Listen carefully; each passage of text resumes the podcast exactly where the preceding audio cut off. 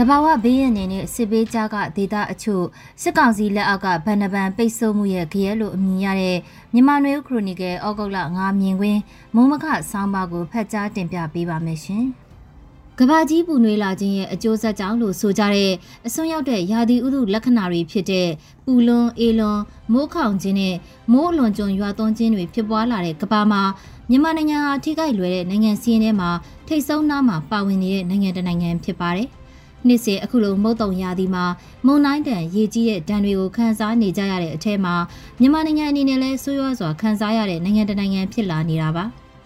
ကမ္ဘာလုံးဆိုင်ရာရာသီဥတုဖောက်ပြန်ခြင်းတွေအပြင်မြန်မာနိုင်ငံအနေနဲ့တစ်တော်ပြုံးတီးခြင်းမြစ်ချောင်းများမှာရွှေအခြားတထုရှာဖွေခြင်းတွေကြောင့်မြစ်ချောင်းတွေတင်ကောလာကမိုးရသည့်တိုင်းမှာရေကြီးမှုဒဏ်ခံစားရတဲ့ဒေသတွေလည်းအများအပြားရှိလာတာတွေ့နေရပါတယ်။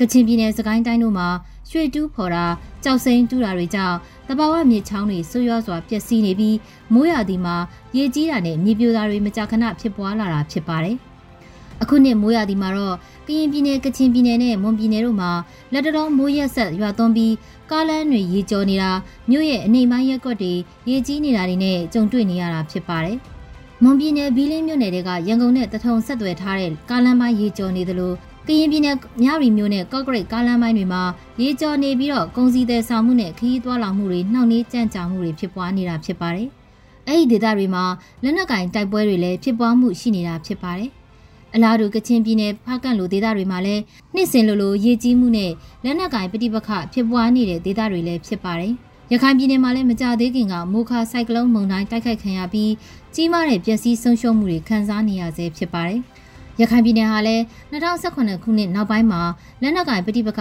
နှစ်နှစ်ချားစီလောက်ဖြစ်ပွားနေခဲ့တာဖြစ်ပါတယ်။ရခိုင်လူထုအနေနဲ့တဘာဝဘေးရန်ရဲ့ဒဏ်ကိုခံစားနေရတဲ့ချိန်မှာပဲလက်နက်ကင်ပဋိပက္ခရဲ့အကျိုးသက်ရောက်မှုဖြစ်တဲ့ဖြက်လေးပြက်ပိတ်ဆို့မှုရဲ့အကျိုးဆက်တွေကိုလည်းခံစားနေကြရတာဖြစ်ပါတယ်။ အခုလိုအချိန်မှာလက်နက်ကင်ပဋိပက္ခဖြစ်ပွားရာဒေသတွေမှာနေထိုင်တဲ့လူထုအဖို့တဘာဝဘေးရန်ရဲ့နဲ့လက်နက်ကင်ပဋိပက္ခတို့ရဲ့တက်ရောက်မှုကိုတပြိုင်နက်တည်းခံနေရပြီးတော့အကူအညီရရှိဖို့ခက်ခဲတဲ့အနေအထားလည်းဖြစ်နေပါတယ်။ဒီကနေ့အတွက်နောက်အကြောင်းအရာတစ်ခုကတော့အမေရိကန်ရဲ့ငွေကြေးပိတ်ဆို့မှုအကျိုးဆက်နဲ့စင်ကာပူနိုင်ငံက UOB ဘဏ်ကနေမြန်မာနိုင်ငံကစီးပွားရေးလုပ်ငန်းတွေရဲ့ဘဏ်အကောင့်တွေကိုဆက်လက်ဖွင့်လှစ်ထားခွင့်မပေးတော့ကြောင်းအသိပေးမှုတွေလှုံ့ဆော်နေတယ်လို့သတင်းတွေမှာဖော်ပြထားကြတာတွေ့ရပါတယ်။ စင်ကာပူနိုင်ငံမှာဖွင့်လှစ်ထားတဲ့မြန်မာနိုင်ငံတကာလေကြောင်းလိုင်း MAI ရဲ့ဘဏ်အကောင့်တွေကိုပိတ်ဖို့အကြောင်းကြားမှုကိုရခိုင်လကလေးက MAI ကုမ္ပဏီဘက်ကိုအကြောင်းကြားထားခဲ့ရကအခုရက်ပိုင်းမှာအခြားသောလုပ်ငန်းတွေဖြစ်တဲ့သင်းကုန်နဲ့ပို့ကုန်လုပ်ငန်းလုပ်ကိုင်တဲ့ကုမ္ပဏီတွေကိုပါအကောင့်ဖွင့်လှစ်ထားတာတွေပေါ်ထပ်မံတင်းကျပ်တဲ့ကန့်သက်မှု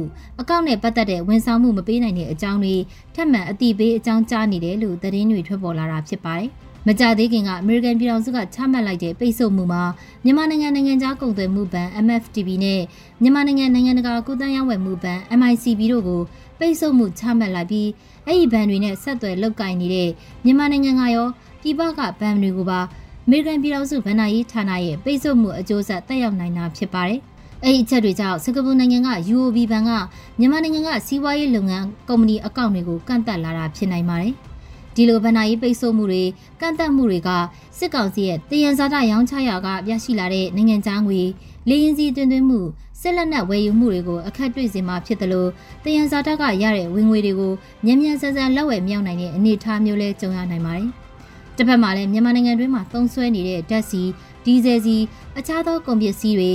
စင်ကာပူနိုင်ငံကတဆင့်တင်သွင်းရမှာတက်ရောက်မှုတွေထိခိုက်မှုတွေရှိလာမှာဖြစ်ပါတယ်။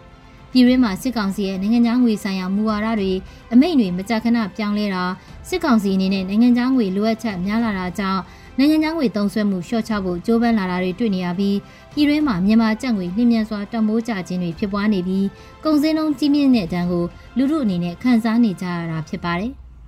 နိုင်ငံတကာစီးပွားရေးပိတ်ဆို့မှုတွေကစစ်ကောင်စီရဲ့နိုင်ငံခြားငွေရရှိမှုနဲ့လိုအပ်တဲ့စစ်လက်နက်လင်းလောင်စာစီဝယ်ယူရေးတွေမှာအခက်အခဲကြုံတွေ့စေနိုင်တယ်လို့တပြိုင်နက်တည်းမှာပဲပြည်တွင်းမှာနိုင်ငံခြားငွေလဲနှုန်းတွေကုန်စည်နှုန်းကြီးမြင့်လာပြီးပြည်သူလူထုအနေနဲ့ကုန်စည်နှုန်းကြီးမြင့်တဲ့တန်ကိုပုံမခံစားရစေနိုင်တဲ့အခြေအနေတွေလည်းရှိနေတာဖြစ်ပါတယ်ရှင်။